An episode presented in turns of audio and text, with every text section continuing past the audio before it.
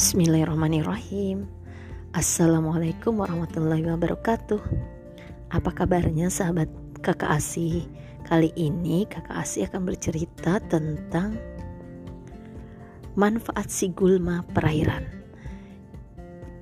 Yang dituangkan dalam majalah Kuak edisi ke-9 tahun ke-8 Level 1 Suatu hari Cika dan kakeknya sibuk membersihkan kolam ikan dari eceng gondok yang tumbuh liar menutupi permukaannya. Eceng gondok sebanyak ini akan kita buang begitu saja, kek. Hmm, apa boleh buat? Mereka adalah gulma perairan jika apabila seluruh permukaan kolam terhalang oleh eceng gondok ikan-ikan akan kekurangan cahaya dan sulit bergerak.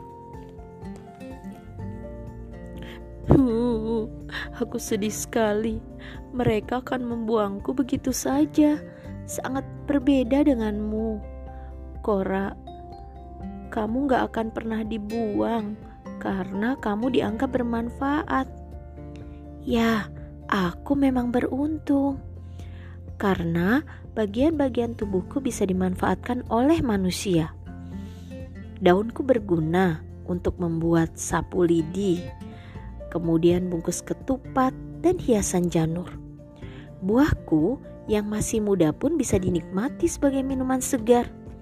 Buah yang cukup tua bisa dibuat santan atau minyak goreng.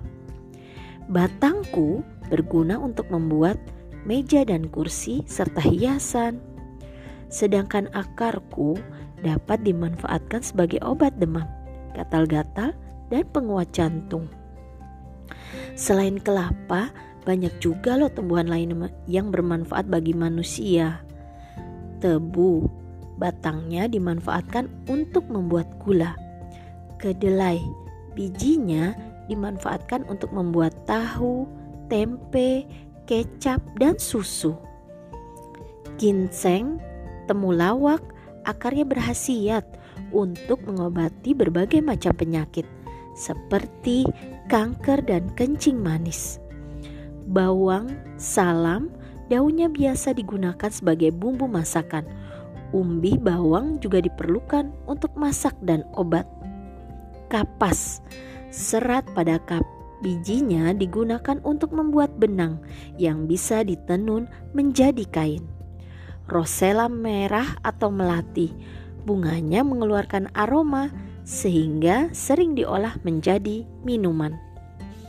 Hmm, ternyata semua tumbuhan di kebun ini bermanfaat ya kuak, kecuali eceng gondok itu. Oh, lihat, bahkan Cika ikut-ikutan gak menyukaiku. Dia pikir aku benar-benar tumbuhan yang tidak berguna. Shh, jangan putus asa, Goni. Dulu dirimu memang disangka tumbuhan yang hanya merugikan.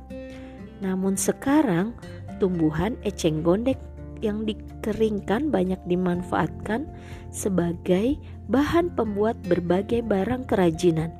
Ini contohnya. Ada sandal, tas, kursi. Wow, keren banget. Nah, Cika, kamu lihat sendiri kan?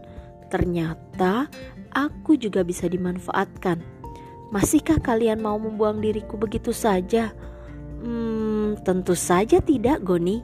Kami akan mengumpulkan dan mengeringkanmu. Setelah itu, akan kami kirim kepada para pengrajin untuk di untuk diolah. Sampai jumpa. Salam sehat, salam semangat, dan tetap jaga protokol kesehatan.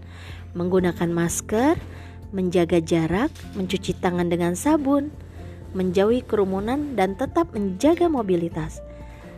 Sampai jumpa di edisi cerita seru selanjutnya. Wassalamualaikum warahmatullahi wabarakatuh.